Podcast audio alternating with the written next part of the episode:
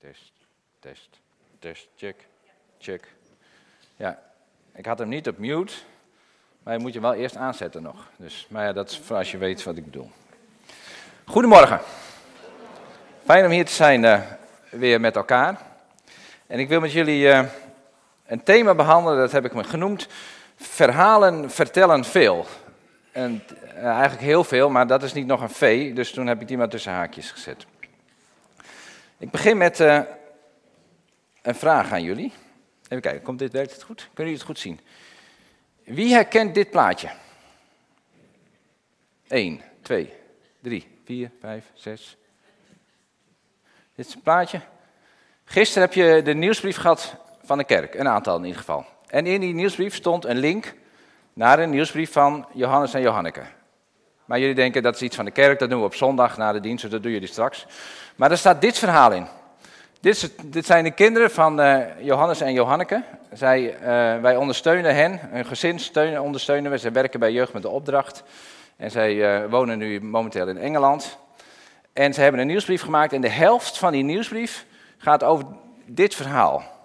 En dat is een verhaal dat ze op een regenachtige dag met hun gezin, ze hebben drie dochters en die voorste zijn, die kinderen zijn een jaar of 15 tot 25 of zo. Nou, ik gok een beetje iets jonger. Jonger, zegt uh, Metje. Ze zijn jonger dan dat, maar zoiets. Zijn ze gaan wandelen. En toen regende het, maar het regende niet een heel klein beetje. Het begon echt ook wel heel hard te regenen.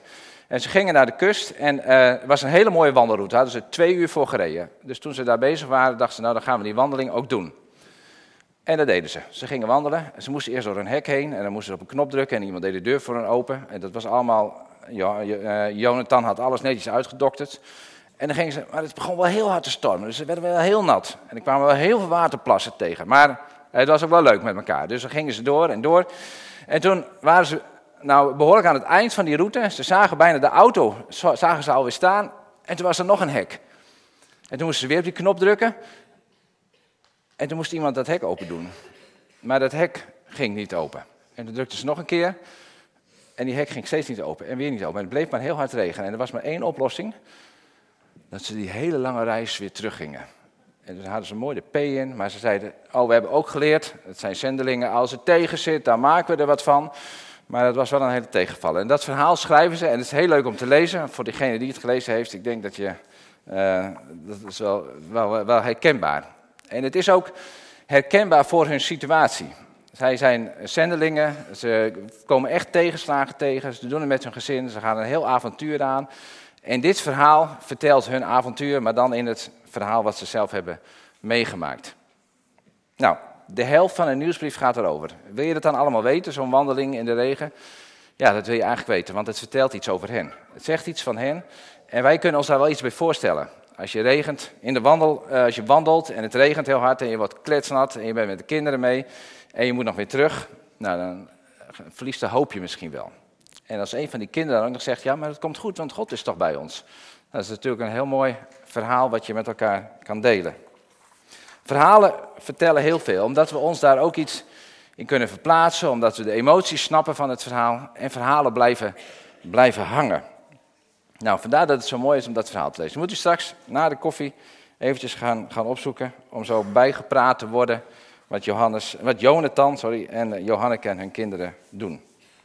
Verhalen vertellen heel veel. Verhalen vertellen een heel groot verhaal. Wij houden heel erg van verhalen. We hebben heel veel onze eigen verhalen. Als je straks met elkaar koffie gaat drinken, vraag dan maar wat heb je afgelopen week meegemaakt.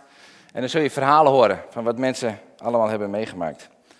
Een film, een film zonder een goed verhaal, dat wil niet. Daar, gaat niet. daar ga je niet voor naar de bioscoop. Daar moet een goed verhaal in zitten theater. Ik ben laatst naar de tocht geweest, de Elfstedentocht, dat de theaterstuk. Dat zit vol met verhalen, wat mensen hebben meegemaakt. En ook verhalen waarvan je denkt, oh ja, dat zou mij ook kunnen gebeuren. Dat onthouden we. Wie van jullie heeft de Zeven Zussen gelezen? Moet je kijken, ja. Dat zijn allemaal verhalen en die wilde weten hoe het met de volgende zus was. En toen wilde je uiteindelijk weten hoe het met die vader was. Zulke dikke boeken. Maar we houden van verhalen, want het spreekt ons aan. We vinden het mooi. Verhalen helpen omdat wat heel abstract is, wat uh, heel theoretisch is, dat helpt ons om dat herkenbaar te maken, om dat te onthouden en om dat voelbaar te maken. Het geloof is ook abstract. En een geloof zonder verhalen, zonder Bijbelverhalen, kunnen we ons denk ik niet voorstellen. Ik, ik noem even een voorbeeld. Ik laat even een voorbeeld zien. Dit verhaal. We weten dat God ons nooit alleen laat. En als je daar een lied over zingt met die woorden, of een tekst leert van God laat ons nooit alleen, dan, dan, dan, dan is dat moeilijk te onthouden. Maar als we daar een verhaal bij hebben, en ik denk de meeste van ons, tenminste als je op zondagschool hebt gezeten, de kinderclub of de christelijke basisschool, dan ken je dit verhaal. Dit verhaal van dat schaapje, volgens mij heette die Petertje. Hè? Petertje ging altijd met zijn familie, de goede herder kwam s'morgens en hij ging met de hele kudde ging die mee. En die herder die bracht hen naar mooie grasvelden en als het spannend was, dan was de herder daar om, om de hele kudde veilig te brengen. Maar Petertje die stond er een beetje achteraan. En die uh, zag, hé, hey, dit is ook wel lekker gras. Dus hij at wat. En toen was er een vlindertje. En dan ging hij dat vlindertje achterna. En toen kwam hij heerlijk daar in de zon. En toen ging hij heel liggen en dacht, ga ik even liggen. En dan heeft hij ogen dicht. En toen werd hij wakker. En toen, waar is de rest van de kudde? En toen was de kudde weg. Het verhaal van het schaapje, dat heb je vast gehoord. Maar gelukkig is daar dan de goede herder. En de herder die zoekt het verloren schaapje op en die weet hem te vinden. En hier is dat schaapje dan, zit heel hard te blaren, maar de herder die haalt hem veilig thuis. Nou, dit verhaal helpt ons, als je dit verhaal kent, om, om te weten dat God ons altijd opzoekt. In wat voor penarie je ook zit, in wat voor situatie je ook bent, ook al is het helemaal je eigen schuld, God is er bij. God is er en hij gaat met je mee. Verhalen helpen om dat beeld vast te houden, omdat het ook wel herkenbaar is. We hebben als opening een tekst gelezen uit Colossense. Wie weet nog welke tekst dat was? 1 Korinthe, ja precies, wat 1 Colossense. Dat was deze tekst.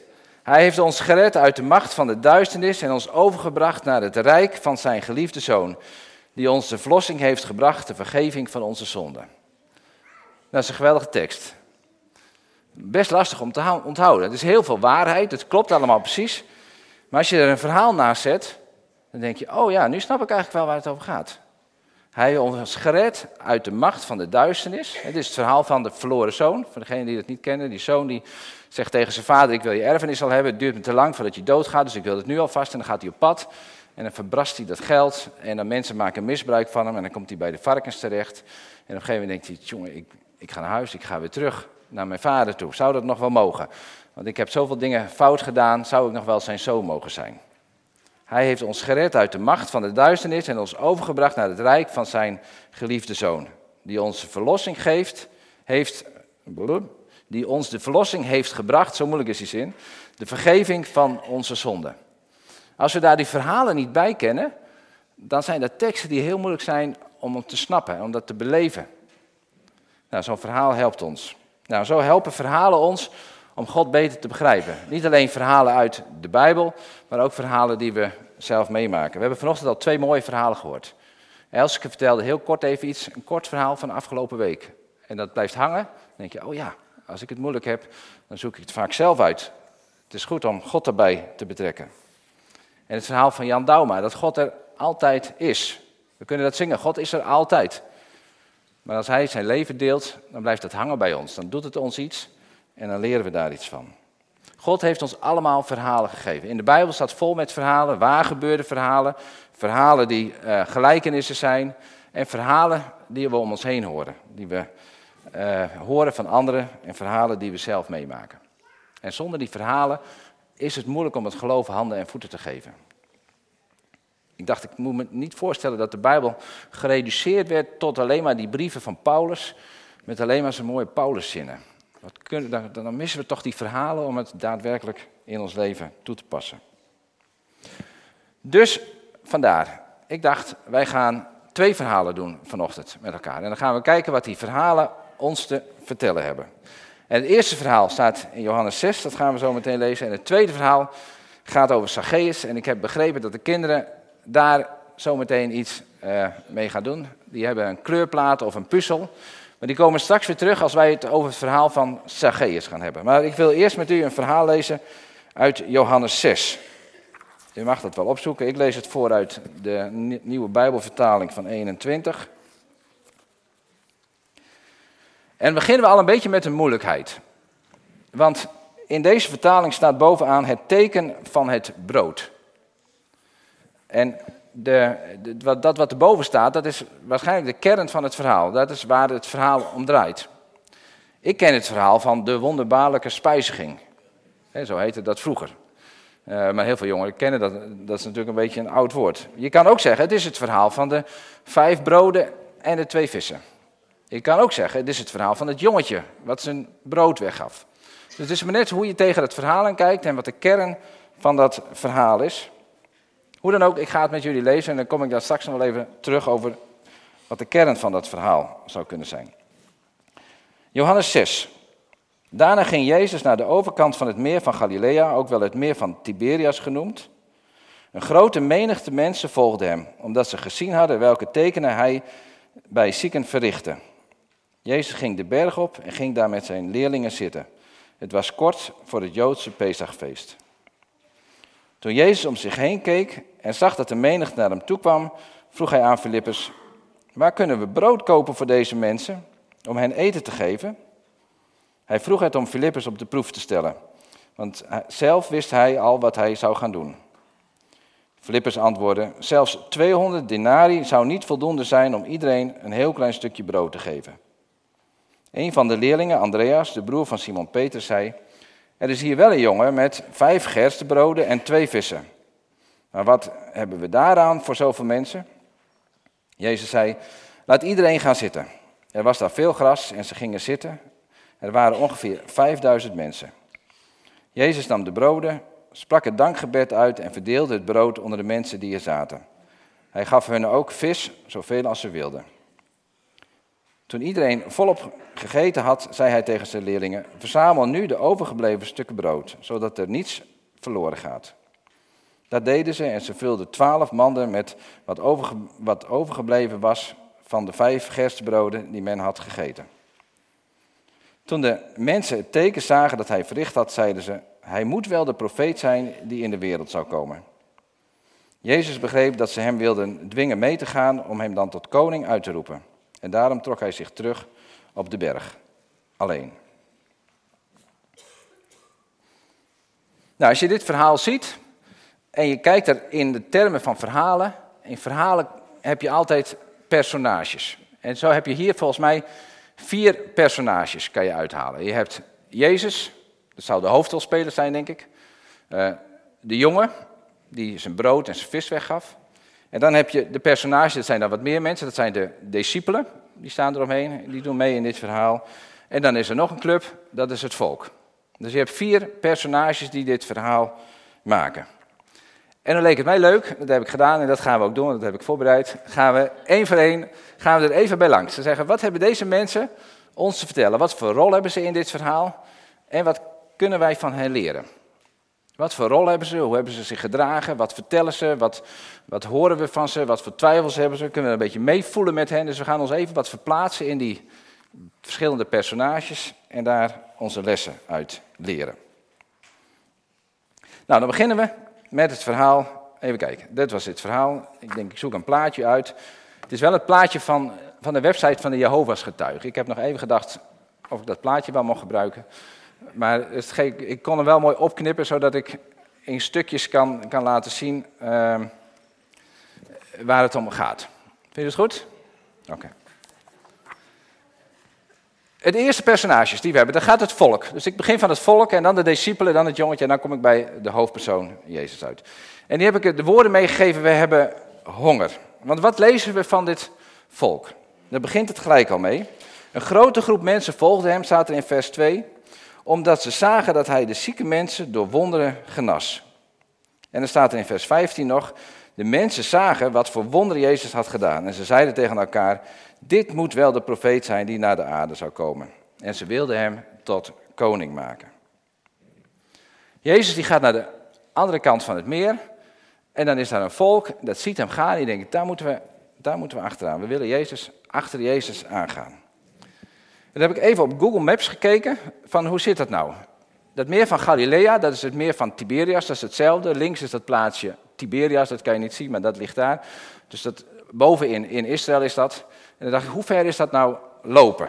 Nou, dan heb ik even gekeken en toen heb ik even gekeken, als je met de bus gaat van de overkant van het meer. Het is natuurlijk een beetje discutabel wat dan de overkant is, maar dan heb je een beetje idee. Als je met de bus gaat, dan kan je zo linksom, dan ben je 1 uur en 4 minuten onderweg. Tenzij je iets moet wachten op de overstap, dan ben je 1 minuut, 1 uur en 13 minuten onderweg. Maar daar heb je niks aan, want toen reed de Fram nog niet en de Garo nog niet. Dus toen moesten ze gaan lopen. En dus ben ik, heb ik ook de wandelen even aangeklikt. En als je van wandelen houdt, is dat een hele mooie wandeltocht. Want als je van het ene punt naar het andere punt gaat, dan ben je ongeveer 6 uur onderweg. Nou, dan ben je wel helemaal rond. En ik hoop dat ze de goede kant hebben gekozen, want anders loop je de verkeerde kant uit. Maar dan zijn ze ongeveer vijf uur onderweg geweest, schat ik. Misschien wel zes uur, dat weten we niet precies, maar ze zijn echt wel even aan het wandelen geweest. En het is echt wel even een optocht geweest met 5000 mensen in optocht achter Jezus aan. En dan ziet Jezus die 5000 mensen aankomen. En het is geen wonder dat Jezus dan denkt, ja, die mensen hebben trek. Die hebben flink eind gewandeld, die zijn al door hun broodjes heen, of weet ik veel wat die hebben trek in eten. En dat klopt. En daar gaat Jezus mee aan de slag. Hij ziet hun nood, hij ziet dat zij trek hebben. Dus die mensen hebben, ja, honger is een groot woord. Maar het is je wel af te vragen, als je de tekst goed leest, van waar hebben ze nou eigenlijk honger naar? Ze hebben vast trek in eten, maar waarom gingen ze achter Jezus aan? Ze gingen achter Jezus aan omdat ze zagen dat Jezus zieken genast. Ze gingen achter Jezus aan omdat zij dachten, die Jezus, die lost mijn problemen op. De Jezus die zorgt voor een stukje spektakel. De Jezus die heeft een mooie boodschap. De Jezus is mooi om achteraan te gaan. De Jezus, daar moeten we achteraan gaan. Want als ik ziek ben, dan kan Hij mij genezen.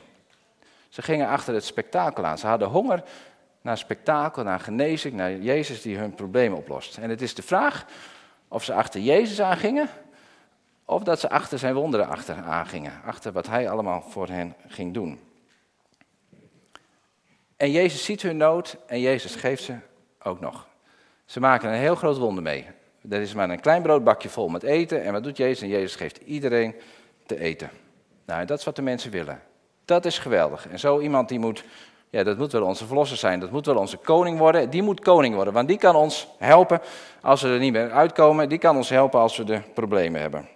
Maar Jezus zegt, zo'n koning wil ik niet zijn. Ik ben er niet om al je behoeften te bevredigen.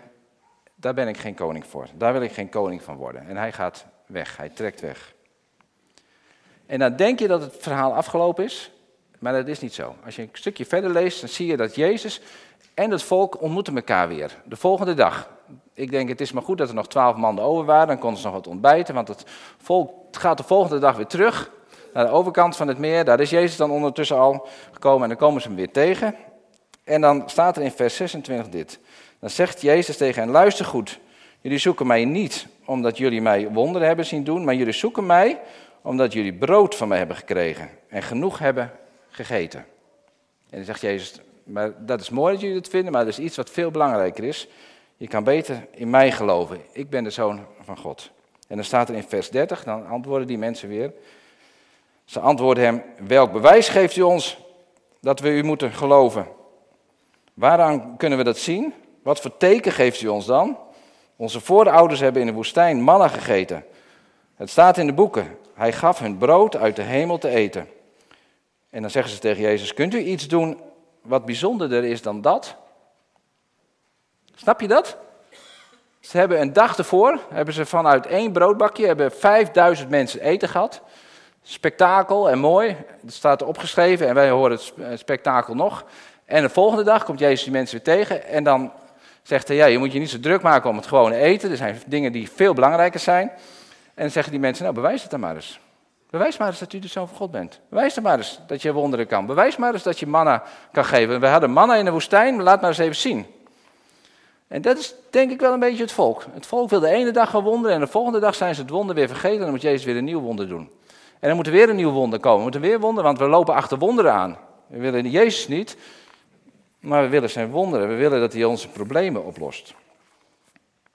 Nou, en dan is het leuk om eens even na te denken van hoe zitten wij erin? Hoe, wat zou dit verhaal voor ons betekenen? En dan kunnen we onszelf die vraag stellen. Want dat is dan het leuke in zo'n verhaal. Is, dan kun je je eigen de vraag stellen van, hey, ben ik eigenlijk misschien net zo? Dan kun je jezelf de vraag stellen van, waarom loop, loop ik achter Jezus aan? Waarom loop jij achter Jezus aan? Waarom lopen wij achter Jezus aan? Ook om het spektakel of om de mooie liederen, of om de gezelligheid, of om de koffie, of om de fijne gemeente die we zo met elkaar zijn. Waarom loop jij en waarom loop ik achter Jezus aan? Omdat hij onze problemen moet oplossen. Misschien heb je wel, wel schulden. En denk je, dat zou wel heel mooi zijn als Jezus dat probleem oplost. Dat je met Jezus afspreekt, Jezus, ik koop een staatslot. En het is voor u volgens mij een makkie om te zorgen dat ik de prijs krijg daarvoor. Heer, wilt u mijn probleem oplossen? Ik heb wel zitten denken, vroeger dan, uh, moest ik natuurlijk ook toetsen maken op school. Onze zoon Jonathan die moet dat ook doen en dan denk je daar af en toe weer aan terug. En ik weet nog wel dat ik Engelse toetsen moest maken. Nou, Engels is echt niet mijn favoriete vak. En dan moest je woordjes leren. Je moest uh, die tegenwoordige tijd, verleden tijd, voltooide tijd, to be, was, were, been, drive, drove, driven. Al die woordjes moest je leren. En dat stelde ik altijd uit totdat ik de toets de volgende dag had. Um, dat gaat in de generaties door, heb ik ontdekt. Maar, en dan zit je daar s'avonds laat en dan denk je... En toen was ik ook best wel christelijk ook. En toen dacht ik, heer, als u mij gewoon een acht gaat geven morgen... dan kan ik rustig gaan slapen en dan is het klaar. En ik heb ook wel eens, maar dat durfde ik niet hardop te bidden... Heer, als nou die Engelse docent vanavond een klein ongelukje krijgt... Hij hoeft niet op de IC, maar hij moet wel zo ziek zijn dat hij morgen niet op school komt. Dat hebben jullie niet gedaan, dat heb ik wel gedaan. Dus ik biecht dat gewoon op hier. Ja. God die onze problemen oplost. We gaan achter hem aan, want oh Heer, ik heb het zo lastig, ik heb het zo moeilijk. Wilt u het alsjeblieft voor mij oplossen? En Jezus zegt van, ik zie een nood, ik ken het, ik weet het, maar er is iets wat veel dieper is en dat wil ik vervullen. Dit, als je het bijvoorbeeld over zingeving, over waarvoor leef ik, wat voor uh, doel heeft mijn leven. Ik geloof dat Jezus daar veel meer in te betekenen heeft. En daar kom ik straks nog even op terug als we het over de hoofdpersoon hebben. Maar het volk heeft honger. Het heeft honger naar eten, naar zo'n vijf uur wandelen. Maar het volk heeft ook behoefte aan vrede, aan liefde, aan iemand die hem kent. En die gekend, die jou kent, die als je gekend wordt. Nou, dat was het volk. Dan gaan we door naar de volgende groep. De volgende groep, dat zijn de discipelen. Nou, daar hebben we van gelezen dat Jezus tegen Filippus zegt van uh, uh, waar, waar kun je eten kopen voor deze mensen, want uh, ja, ze hebben eten nodig. En dan zegt hij nou 200 zilverstukken is niet eens genoeg. Nou, dat verhaal hebben we gelezen. Dat zijn de volgelingen van Jezus. De discipelen die zijn al een hele tijd met Jezus aan het optrekken geweest. Die hebben al heel veel van Jezus gezien. Als je terugbladert in Johannes, dan zie je een van de eerste wonderen dat water in wijn verandert. Dus daar waren die discipelen bij, dat hebben ze meegemaakt. Dan zie je ook nog een verhaal dat een man die is 38 jaar al ziek. En Jezus komt daar en zegt, wat wil je? En zegt Jezus tegen hem, sta op. En die man staat op en die is genezen. Dus die discipelen weten met wie ze optrekken. Ze weten, die Jezus, die rabbi Jezus, die, die kan het allemaal. Die weet het. En dan ziet Jezus die mensen aankomen en dan zegt hij tegen de discipelen,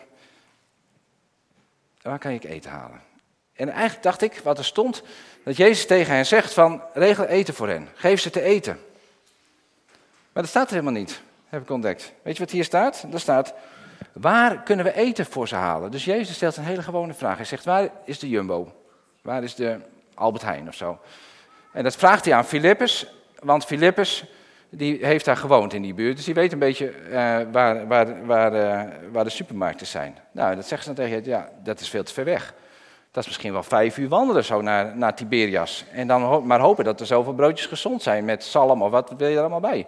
En dan moet je wel een aantal mensen hebben die met zo'n karretje over die hobbelweg zo weer teruggaan. Want daar is toch geen asfalt. Dus die discipelen die zegt, hey, dit is allemaal onmogelijk. Dat wil niet. Hoe krijgen we dit voor elkaar?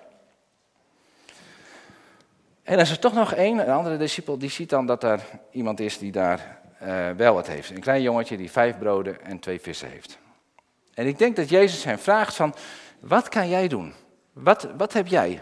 Welke mogelijkheden zijn er? Welke mogelijkheden heb jij om deze mensen eten te geven? Want als je in die andere evangelie kijkt, dan staat er overigens wel, zegt Jezus tegen hen van, geef ze te eten. Dus dat is wel een ander verhaal. Dus dat is wel interessant dat er twee verschillen zijn. Ik denk dat Jezus daar, want hij wilde hen op de proef stellen, tegen hen zegt, discipelen, wat kunnen jullie doen? Wat hebben jullie te bieden om dit probleem op te lossen? En dat is ook een interessante vraag aan ons. Een interessante vraag aan ons.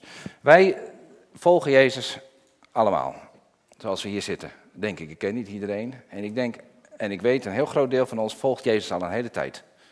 We gaan al heel vaak naar de kerk. Heel vaak hebben we de Bijbel gelezen. Heel veel verhalen uit de Bijbel kennen we al. We zijn misschien actief ook in het bestuur, in de muziek, het kinderwerk, als koster. We zijn heel betrokken. We lijken wel een beetje op discipelen. Zo dicht bij Jezus weten heel veel van hem.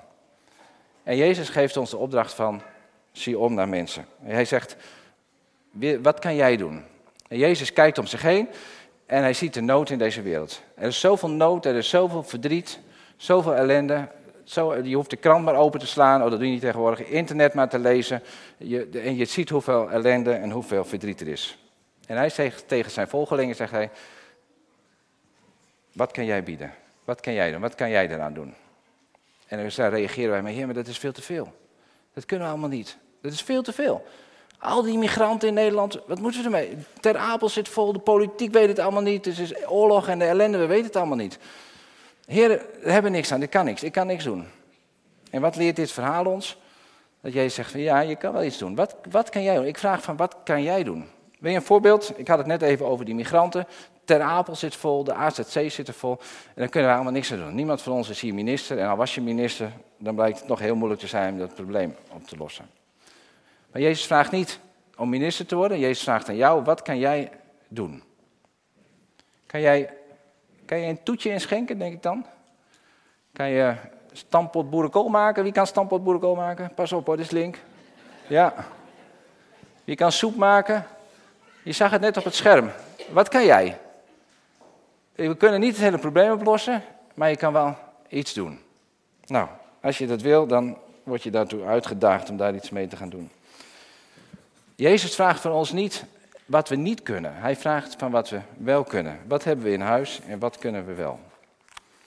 Ik vond het een mooie eye-opener. Vorige week hadden we hier een pastorale cursus. We zijn met een stuk of acht, negen van onze gemeente doen we een pastorale cursus. Samen met nog allemaal mensen buiten onze gemeente. En dan gaat vorige week iemand les over uh, pastoraten en mensen die ziek zijn. Voor zieken bidden, met, hoe ga je daarmee om? En de, de, de docent die kwam uit, uit Lelystad en die kwam van de Pijler. En die hebben één keer in de zoveel tijd hebben ze een dienst voor mensen die ziek zijn. En dat noemen ze niet een genezingsdienst, maar dat noemen ze een dienst waarin je als gemeente bidt en ook zieken salft. En dat vond ik echt heel mooi om te horen. Ik weet niet of het kwartje valt bij jullie, maar bij genezingsdienst dacht ik, ja, nu moet er ook genezen worden. En, nu moet het ook, en dat moet ik blijkbaar aan doen. En dan bid ik voor die mensen, en als ze dan niet genezen.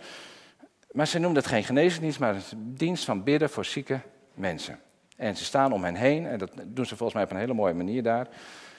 En dan, toen moest ik hier aan denken, toen ik dit aan het voorbereiden was. God vraagt niet van mij om mensen te genezen, maar hij vraagt aan mij en misschien aan jou ook wel, je voor die ander bidden? En misschien salven met olie. En dat is wat wij kunnen doen. En God doet het wonder wel. Of hij doet het niet. En daarom vond ik dat lied zo mooi wat we net hoorden. Soms doet hij het wel en soms doet hij het niet. En soms snappen we het dan ook allemaal niet. En dat is prima, want we hoeven God niet te snappen. Nou, dan komen we bij het verhaal van de jongen uit. Er zijn toch één jongen, die blijkt dan toch iets mee te hebben.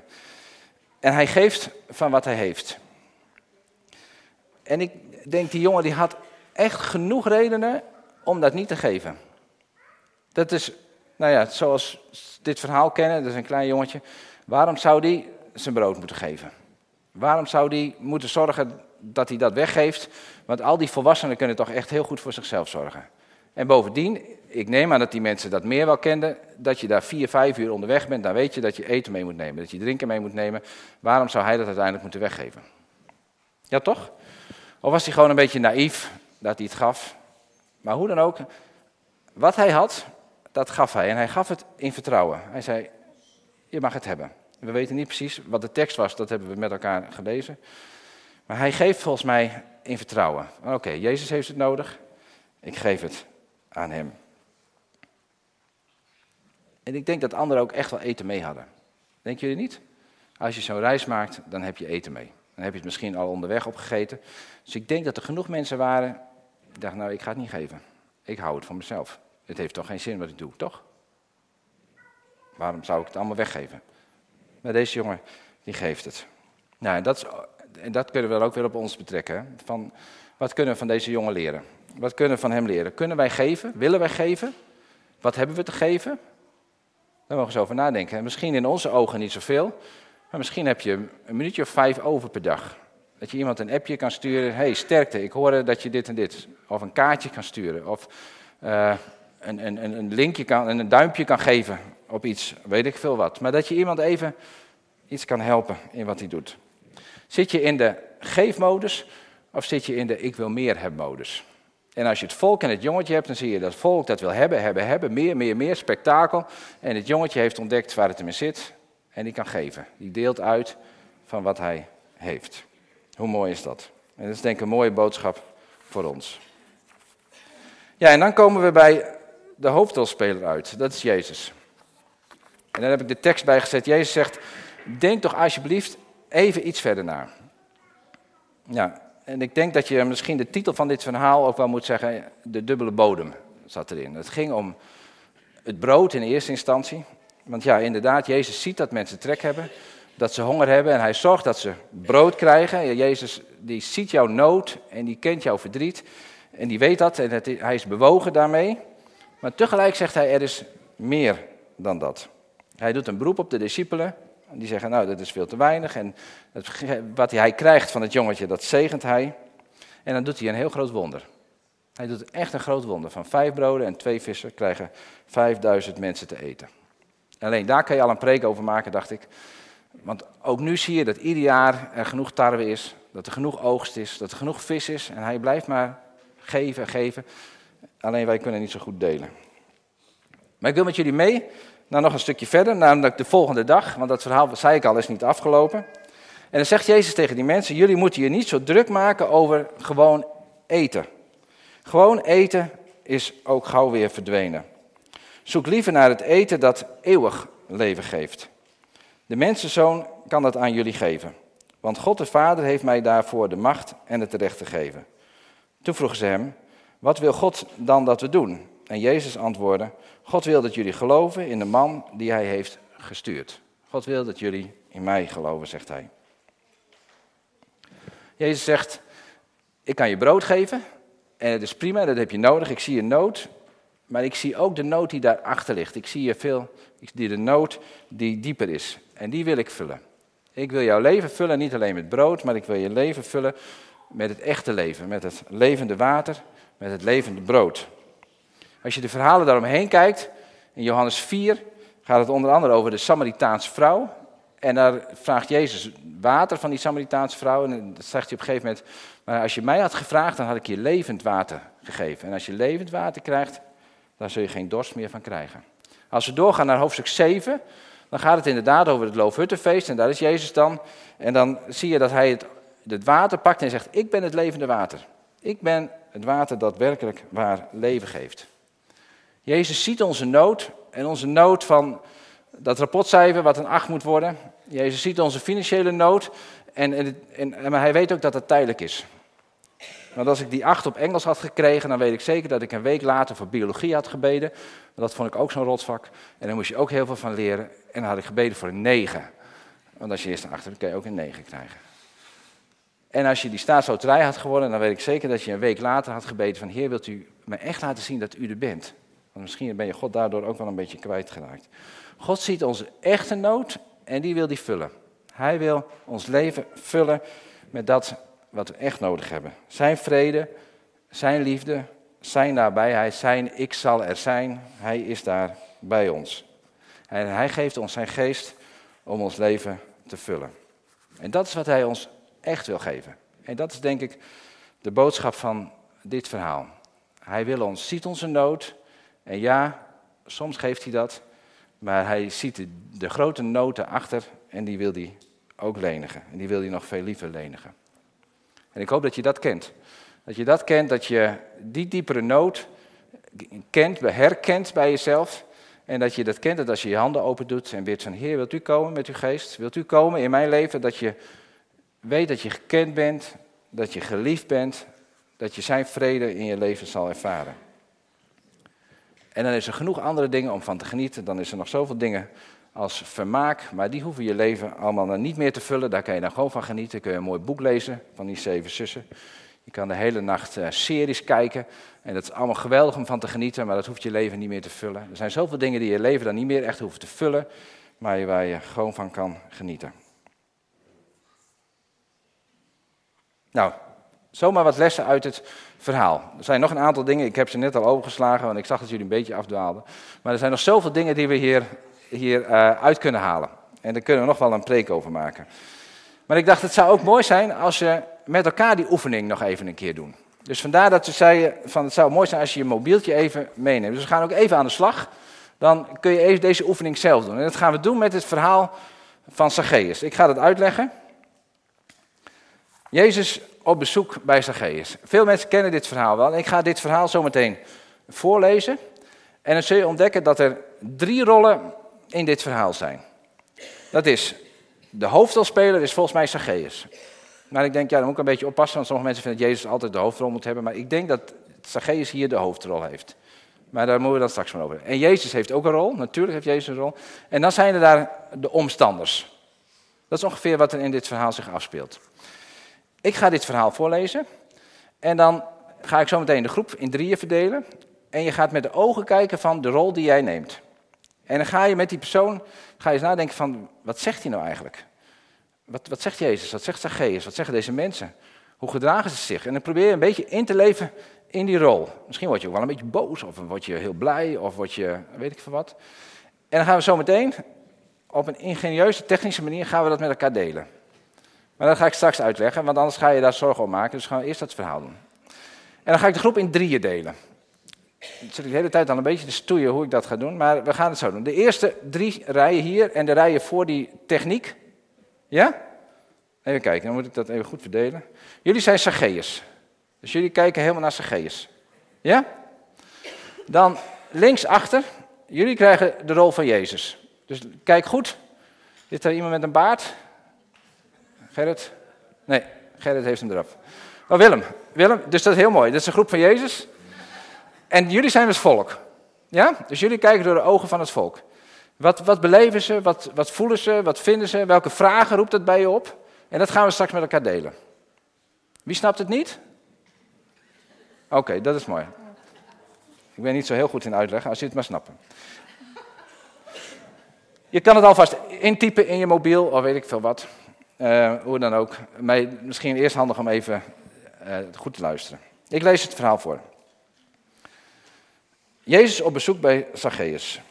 Jezus kwam Jericho binnen en liep door de stad.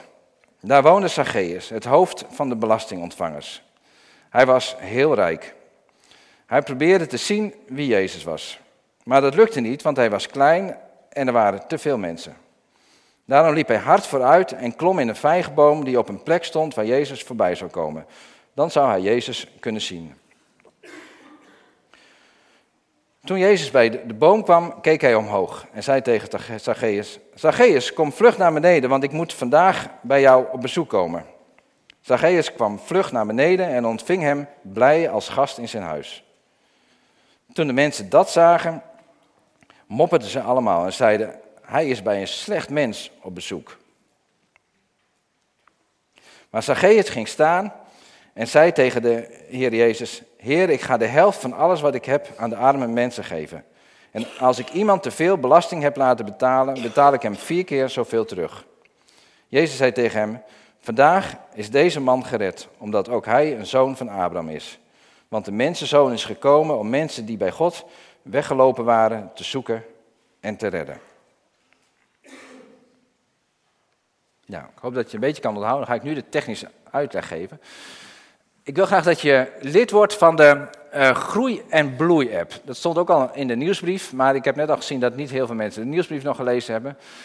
Als je daar niet lid van bent, dan kun je gewoon in onze gewone appgroep kijken van de kerk. En dan zet Wilma zometeen of binnen een paar tellen een link in. En als je daarop klikt, dan kun je in die Groei- en Bloei-app terechtkomen. Dat is niet heel moeilijk. Dan klik je erop en dan zit je in die Groei- en Bloei-app.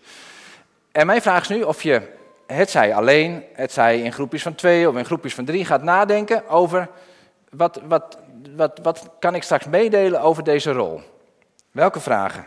Wat valt je op? Welke vragen komen bij je boven? Of wat heb ik hiervan geleerd? Dus jullie krijgen vijf minuutjes om daar of alleen of even met z'n tweeën of met z'n drieën. Of helemaal niet, als je dit helemaal geen leuke oefening vindt. Is ook prima, dan doe je even niet mee. Echt helemaal prima, dus je moet het zelf weten. Ehm, denk er even rustig over na. En dan gaan we dan één voor één al die berichten in die appgroep zetten. Want ik wil eerst die van Zacchaeus hebben en dan die van Jezus, maar dat, dat vertel ik dan wel even. Dus eerst even met elkaar in gesprek over, wat valt je op? Is het helder? Oké, bedankt voor je ja. Succes ermee. Ja. Daar had ik iets leuks voor bedacht namelijk. Maar dat ga ik nu doen.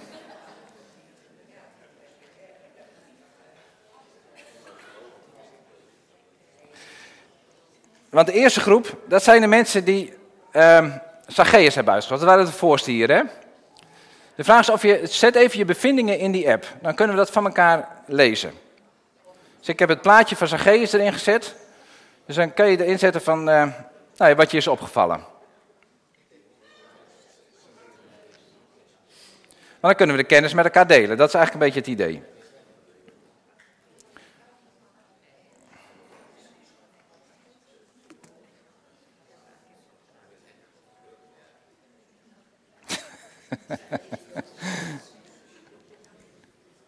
ja, je vertaalt hem naar deze tijd. Gert, heel mooi. Zacchaeus is nieuwsgierig naar Jezus. En het is mooi om je eigen vraag te stellen. Hoe nieuwsgierig ben jij eigenlijk nog naar Jezus? heb, heb, jij net zo'n verlangen als Zacchaeus om, om Jezus te leren kennen? Of nou, was dat vroeger zo en is dat nu niet meer zo?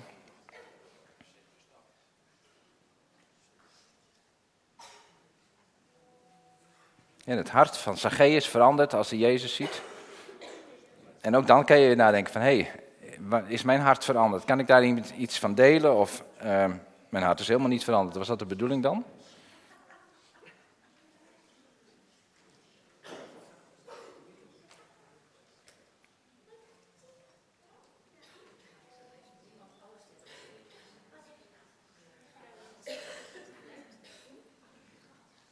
Ga niet overal belangs, maar het is wel, zijn echt mooie gedachten die je zomaar even van de ander kan oppikken, die je zelf had en op jezelf kan reflecteren van hé, hey, hoe is dat bij mij eigenlijk?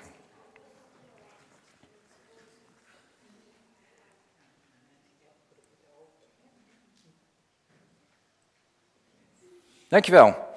Dan ga ik de volgende plaatje eraan toevoegen.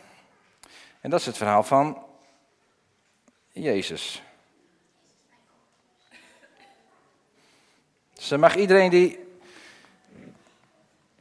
Uh, dat, jullie, hè, jullie hebben iets met Jezus. Uh, iets met Jezus. Jullie hebben het uh, door de ogen van Jezus gekeken. En graag jullie reacties daarin.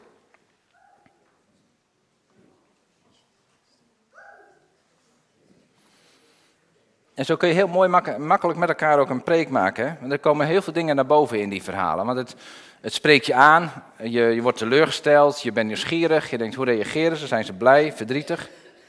Jezus maakt geen onderscheid tussen mensen.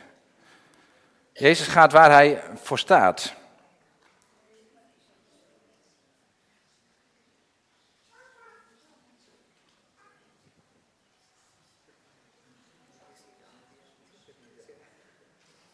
Oh, die is mooi, ja. Jezus ziet je zitten, maar hij laat je niet zitten.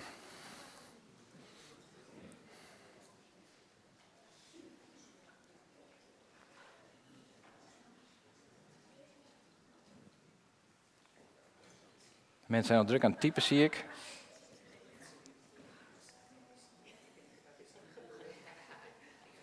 Ja. Jezus ziet waar Zacchaeus zit.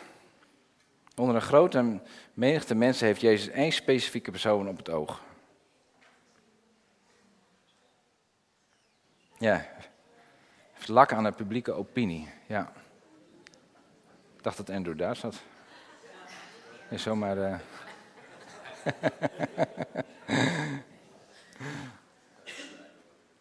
Het is, eh, ik vond het leuk om in ieder geval dit, dit thuis, thuis, te doen met het verhaal van die vijf broden en twee vissen. Om je even door die andere personages heen te gaan.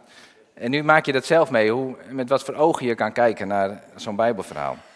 En de volgende stap kan ook nog zijn dat je hem uit kan spelen. Je kan ook nog het hele, helemaal naspelen. En dan kun je nog de woorden zeggen die daar gezegd zijn. En dan voel je hem nog veel meer door je heen gaan.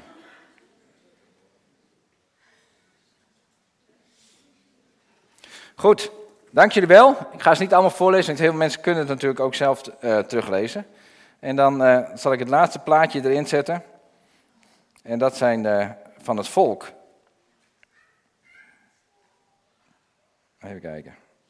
Dat zo door kan sturen. En dat is de groep daarachter. Wat, wat is jullie reflectie op het volk? Hoe zij gereageerd hebben, de lessen die we daaruit kunnen leren, die jullie daar hebben uitgeleerd en die je kan delen met de anderen.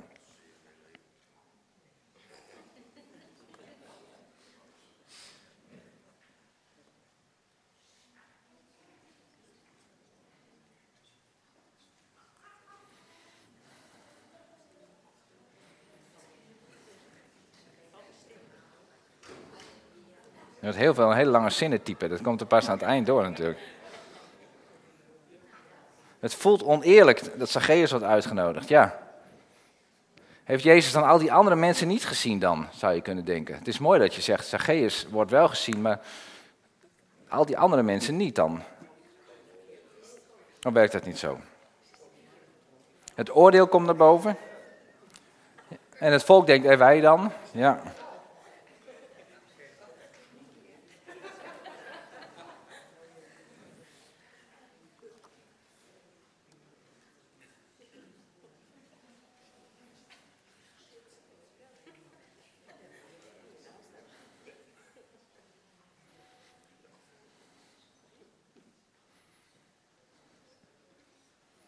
Volk denkt oneerlijk dat hij wordt uitgenodigd. Ja, maar als Jezus bij jou thuis was gekomen, dan had je misschien ook wel heel veel recht gezet daarna. Ja, dat was, maar hij doet het ook van harte. Ja, dus het is ook wel mooi. Laat Jezus maar komen. Ja.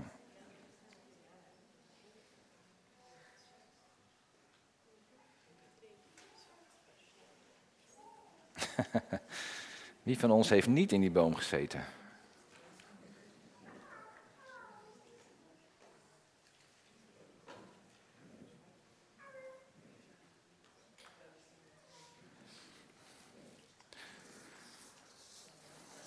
Goed, als je nog wat toevoegen, dan uh, voeg het toe. Bedankt voor jullie uh, uh, je hulp daarbij. En ik hoop dat je dit misschien wel vaker gaat doen. Tenminste, ik werd, wat ik net zei, ik werd er wel enthousiast van om het op deze manier te doen.